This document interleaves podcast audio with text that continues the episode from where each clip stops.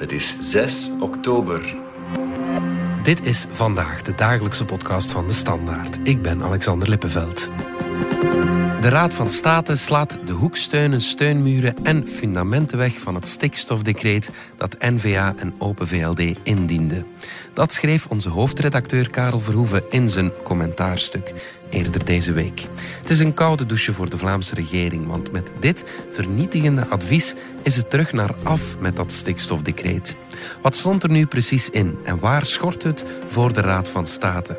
En wat zijn de gevolgen voor de stikstofkwestie en voor de regering?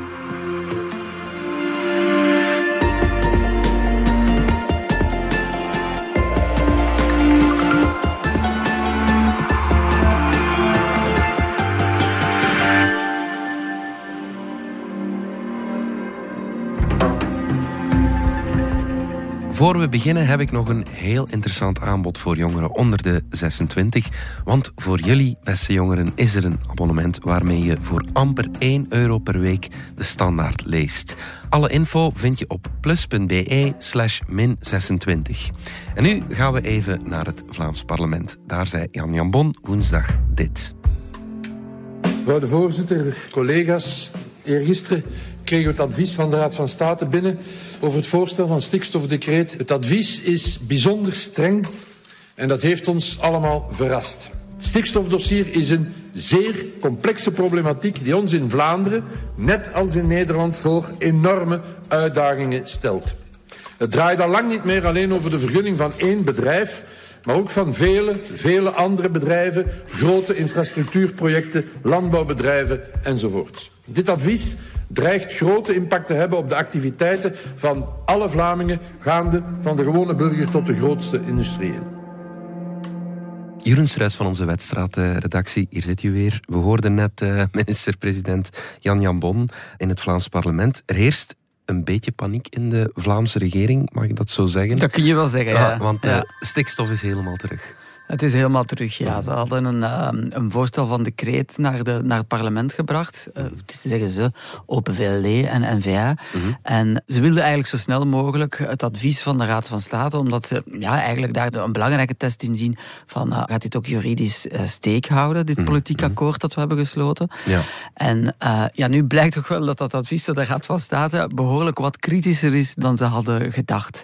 Er zijn wel enkele mensen die daarvoor hadden gewaarschuwd, maar niet binnen de meerderheid, zullen we zeggen. Ja. En dus uh, eigenlijk zegt de Raad van State dat er een heel aantal cruciale elementen in dat voorstel van decreet niet stand houden. Mm. En, en, eigenlijk en dus zeggen nu, ze gewoon, begin opnieuw, toch?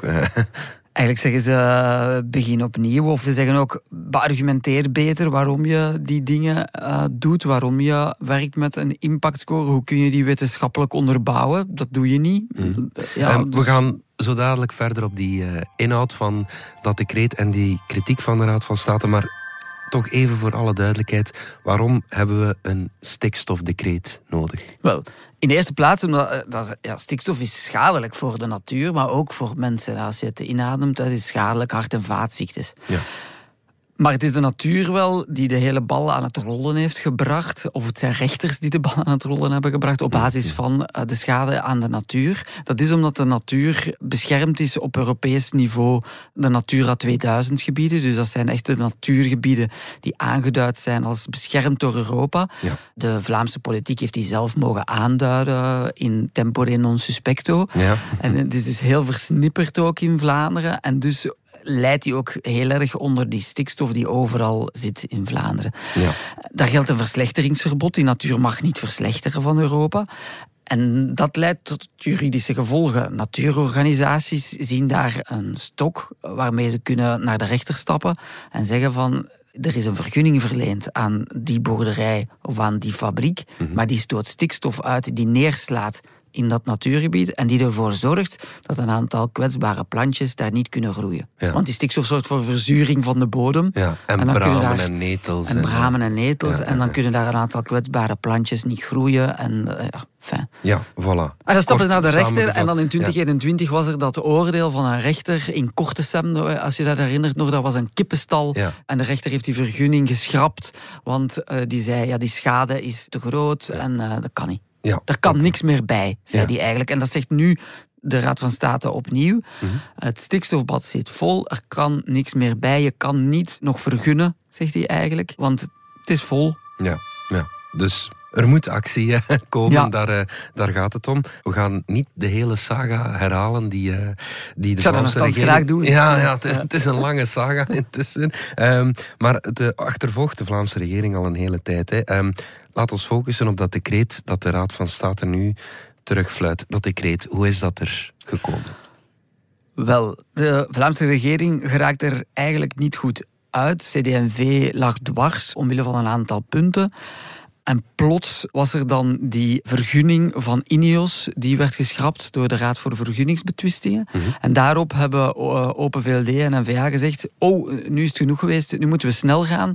En we gaan toch dat politiek akkoord dat we hebben gesloten in maart, nu al vertalen in een voorstel van decreet. En we gaan daarmee naar het parlement. En we willen weten wat de Raad van State zegt. Dus dat is ingediend, dat voorstel van decreet, door Wilfried van Dalen en Bart de Wever van de NVA. En door Willem-Frederik Schils en Tom Ongena van, van Open VLD. De partij en de fractievoorzitters... eh, Z- ja, zo is het. de- Zo zijn is het. Dus ze hebben daar wel hun de- gewicht ja, voor, ja. voor boven gehaald. Zij geloofden duidelijk dat dit een goed voorstel van decreet was. Ze verwachten waarschijnlijk wel enkele commas eh, die, die nog moesten verplaatst worden. Mhm. Maar ze verwachten niet zo'n eh, dodelijk advies van de Raad van State. Dat is duidelijk. Mhm.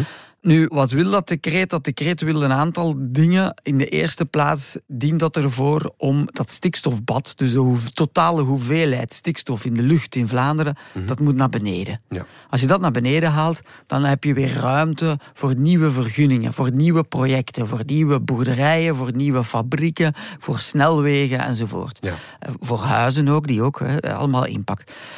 Dat is één deel. Dus er staan een aantal doelstellingen voor verschillende sectoren, landbouw en industrie. Bijvoorbeeld, de varkensstapel moet verminderd worden met 30 procent. Dat gaat al onmiddellijk leiden tot minder stikstof in Vlaanderen. Ja.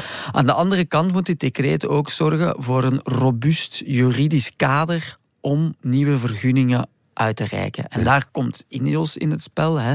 Daarom zegt de NVA, we hebben een decreet nodig, nu dringend, of anders valt Ineos in het water. Die etaankraker in de Die etaankraker haven, in de Ja. Antwerpse haven, die dus geen vergunning heeft gekregen, eh, of die vergunning is geschorst, Ja. hè, omwille van stikstof. En met dit decreet hopen ze een beter juridisch kader te schetsen Mhm. Voor zo'n vergunning. Ja, Dat is wat NVA zegt. Hè? dat is Ja. wat NVA zegt. Ja. NVA en Open VLD waren bij dit voorstel betrokken. De Vlaamse regering is natuurlijk met drie. CD&V was er niet bij. Waarom niet? Klopt, ja. Dus Jo Broens, minister van Landbouw en Economie, eh, weigerde zijn handtekening te zetten onder het ontwerp van decreet. Toen was het nog een ontwerp van decreet, omdat het vertrok van de Vlaamse regering. Mhm. En weigerde zijn handtekening te zetten omdat er nog geen werk was gemaakt van een onderzoek naar twee versoepelingen voor de landbouw, die heel belangrijk zijn voor CD&V. CD&V had dat bekomen in dat politiek akkoord. Ze hadden maart gezegd, toen, ja. in maart, ze hadden gezegd, wij gaan akkoord, maar alsjeblieft onderzoek twee versoepelingen voor de landbouw. Ja. Laat die onderzoeken door een milieueffectenrapport. Zou dan aantonen dat die versoepelingen geen negatieve impact zouden hebben op de stikstofambitie die de Vlaamse regering had. Die twee versoepelingen, ja, dat is vrij technisch. Eentje gaat over dat jonge boeren zouden kunnen de stikstofrechten afkopen van boeren, van oude boeren die ermee stoppen. Ja, ja. En dat de, het onderscheid landbouw en industrie, landbouw moet nu, wordt nu veel strenger behandeld dan industrie, dat dat onderscheid zou gelijk getrokken worden over een paar jaar. ja inderdaad. En dus met een milieueffectenrapport gingen ze onderzoeken, kan dat? Maar die zijn er nog niet. Die, Dat eh, milieueffectenrapport is er nog altijd niet. Ja, ja. Meer zelfs, er is nog altijd geen studiebureau aangesteld om dat te doen. Dus er is twee keer een oproep uitgeschreven door minister van Omgeving Zoal Demir. Mhm. En daar is twee keer heeft niemand daarop ingetekend. En dan vervolgens heeft minister Demir gezegd, dan, dan kunnen we nu, dan hebben we nu het recht om in onderhandeling te gaan met een bureau dat ons wel heeft aangegeven, ze wilden eigenlijk wel intekenen, Mhm. maar het was, de timing was te krap. Dus ze zagen dat niet zitten. Kunnen we met hen in onderhandeling gaan? Wat is voor jullie wel mogelijk? Maar dat is nog altijd niet gebeurd. Er is nog altijd geen studiebureau aangesteld. Ja. Nu, die discussie is eigenlijk totaal irrelevant nu, want ja, er is nu zelfs grote twijfels of er überhaupt een decreet kan komen. We luisteren even naar eh, Tine Rombouts van eh, CD&V afgelopen woensdag in het parlement. Nog nooit was het advies van de Raad van State zo scherp en duidelijk. Een advies op een decreet waar CD&V al langer voor waarschuwde dat het vol fouten zat. Bezwaren die ik al geruime tijd en meermaals zelfs in dit parlement op tafel legde. En toch is de bevestiging geen moment van euforie of tromgeroffel. Omdat er vooral weer heel veel tijd verloren is gegaan. Voor bedrijven, gezinnen, mensen die nog steeds in totale onzekerheid zitten over hun toekomst en hun levenswerk.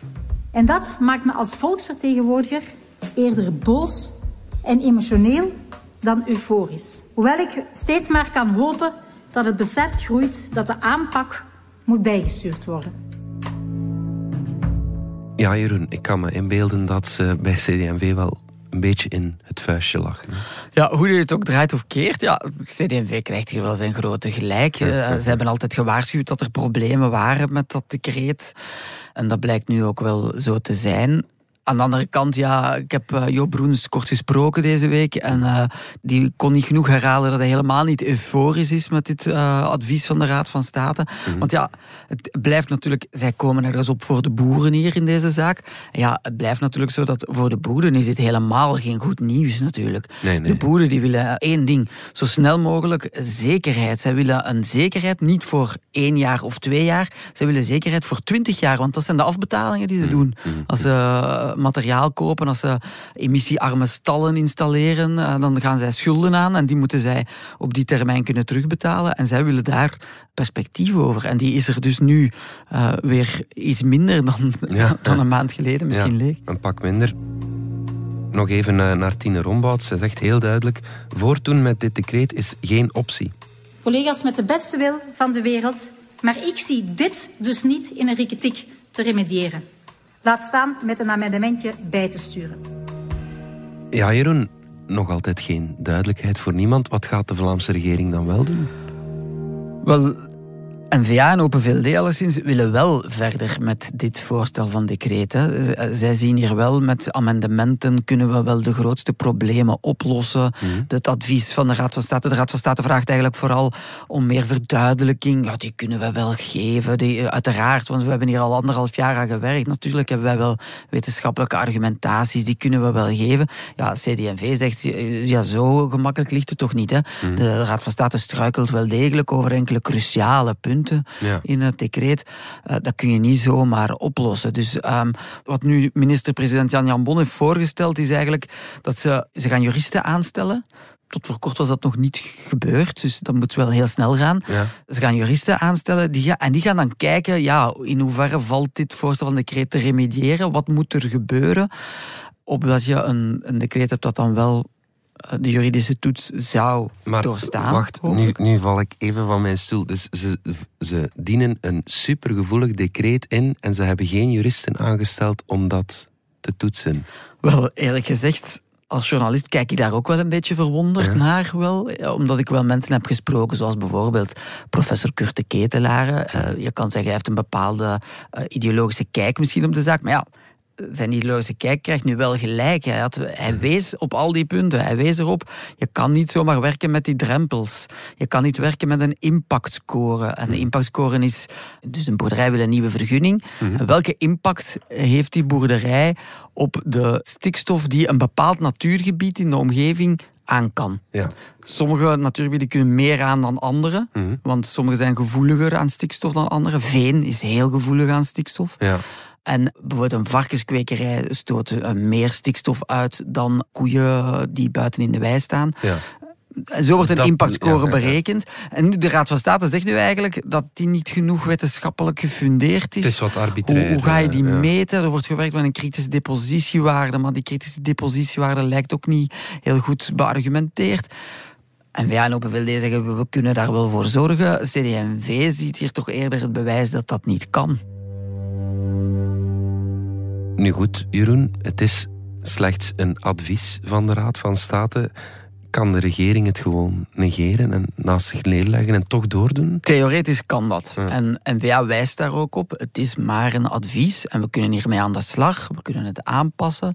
Dit is geen definitief oordeel of zo en dat is het ook niet. Het Theoretisch klopt dat allemaal, maar ja, er is wel een risico aan verbonden. Namelijk, als je dit niet ernstig neemt, dan weet je toch wel, dan heb je nu hier toch wel hele sterke aanwijzingen, niet te negeren aanwijzingen, dat je later juridische problemen gaat krijgen. Uh, dat er ja, milieuverenigingen hiervoor natuurlijk wel argumenten vinden om hiermee naar de Raad van State te stappen. En dan wordt het advies een arrest. Hè? Ja, en dat is dan wel, bindend. En uh, vervolgens kun je dat weer aanvechten enzovoort. En uiteindelijk zal het grondwettelijk hof daarover moeten oordelen. Hmm.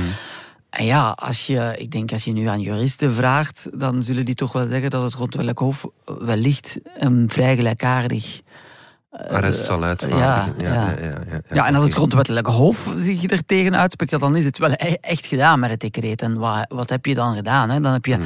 misschien eh, een half jaar tijd gewonnen, maar dan sta je wel echt nergens. En dan zit je echt in die gevreesde vergunningenstop. Ja, oké. Die vergunningenstop, daar gaan we straks op door. Maar eerst gaan we er even uit voor reclame.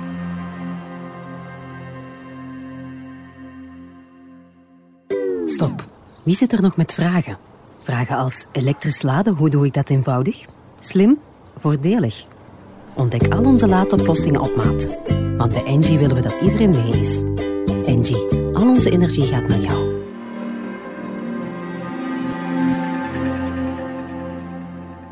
Jeroen, terug naar jou. Bart Wever zei uh, deze week, we zitten nu al de facto in een vergunningenstop. Eigenlijk zegt de Raad van State wat verderop, zolang er geen objectieve daling van stikstof is, niet een toekomstige, maar een die er al is, kan die passende beoordeling ook niet positief zijn. Ja, als je dat allemaal bij elkaar optelt, dat heet een vergunningenstop. Hè. Dat is het gat waar Nederland in verdwenen is, waar wij nu uh, vlak voor staan. Hè. We kijken nu echt wel recht in de afgrond. Heeft hij daar een punt? Ja, eigenlijk zitten we daar al een paar jaar. Hè. Eigenlijk sinds die eerste uitspraak van een rechter over een kippenstal in Kortesem zitten we daar eigenlijk al. Ik weet ook niet heel zeker of dat dit decreet bijvoorbeeld rechtstreeks een impact heeft op de vergunning van INEOS. Mhm. Dat is wel weer iets anders. Dat is wat de NVA aanvoert. Die zegt, we hebben dit decreet snel, snel nodig Anders krijgt uh, INEOS nooit een vergunning voor zijn etaankraker, Project One. Mhm.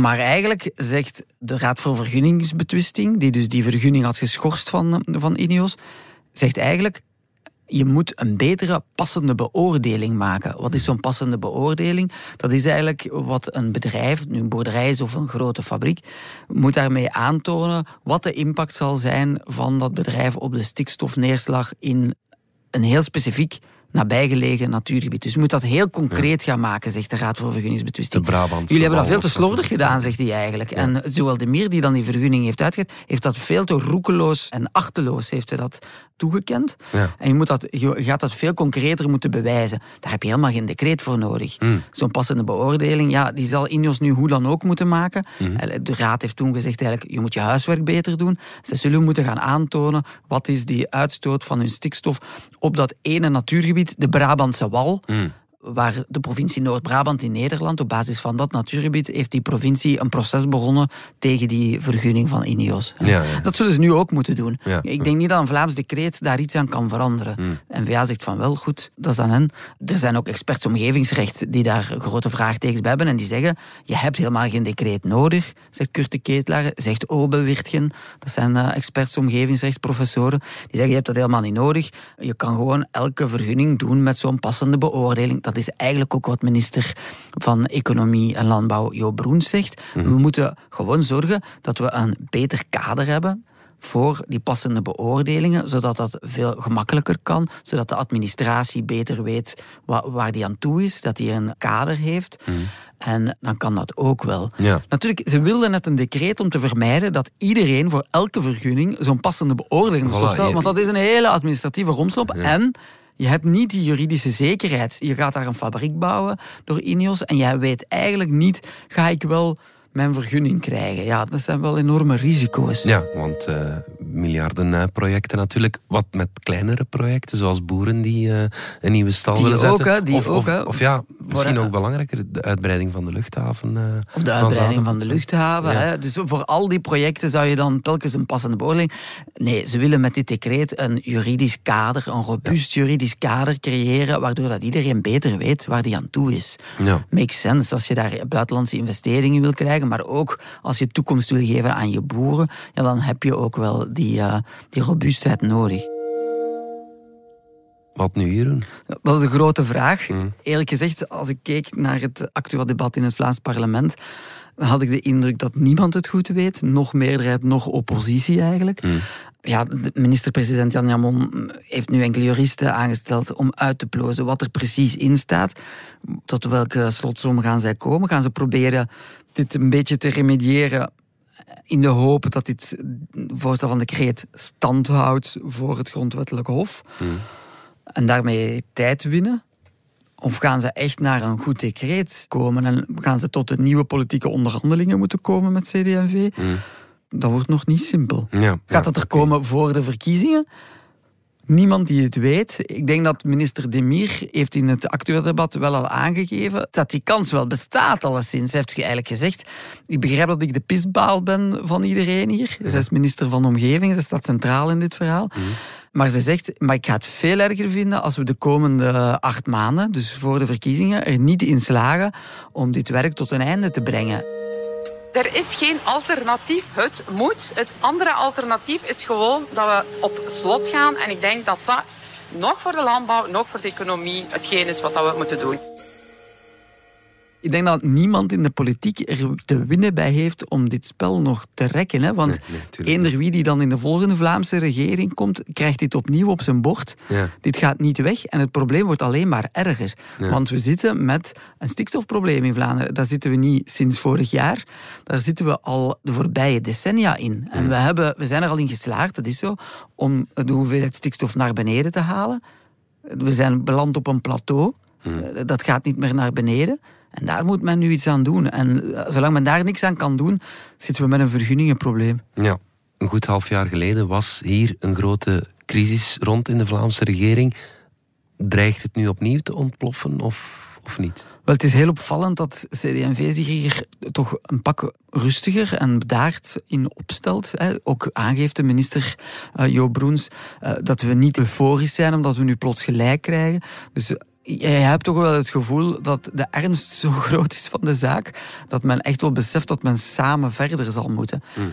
Dat is de eerste reactie. Maar naar mijn gevoel zouden die spanningen die er al waren wel eens opnieuw kunnen oplopen naarmate ze concreter zullen moeten worden over wat er dan precies in dat decreet kan aangepast worden. En dan denk ik dat die oude spanningen onvermijdelijk terug naar boven komen. Ja, afwachten. Jeroen Struijs, dankjewel. Graag gedaan. Dit was vandaag de dagelijkse podcast van De Standaard. Bedankt voor het luisteren. Volg ons op Spotify, Apple Podcast of eender welk ander podcastplatform. In onze gratis FDS podcast kan je niet alleen ons werk beluisteren, maar ook de beste podcasttips terugvinden. Alle credits van de podcast die je net hoorde vind je op standaard.be-podcast. Reageren kan via podcast.standaard.be.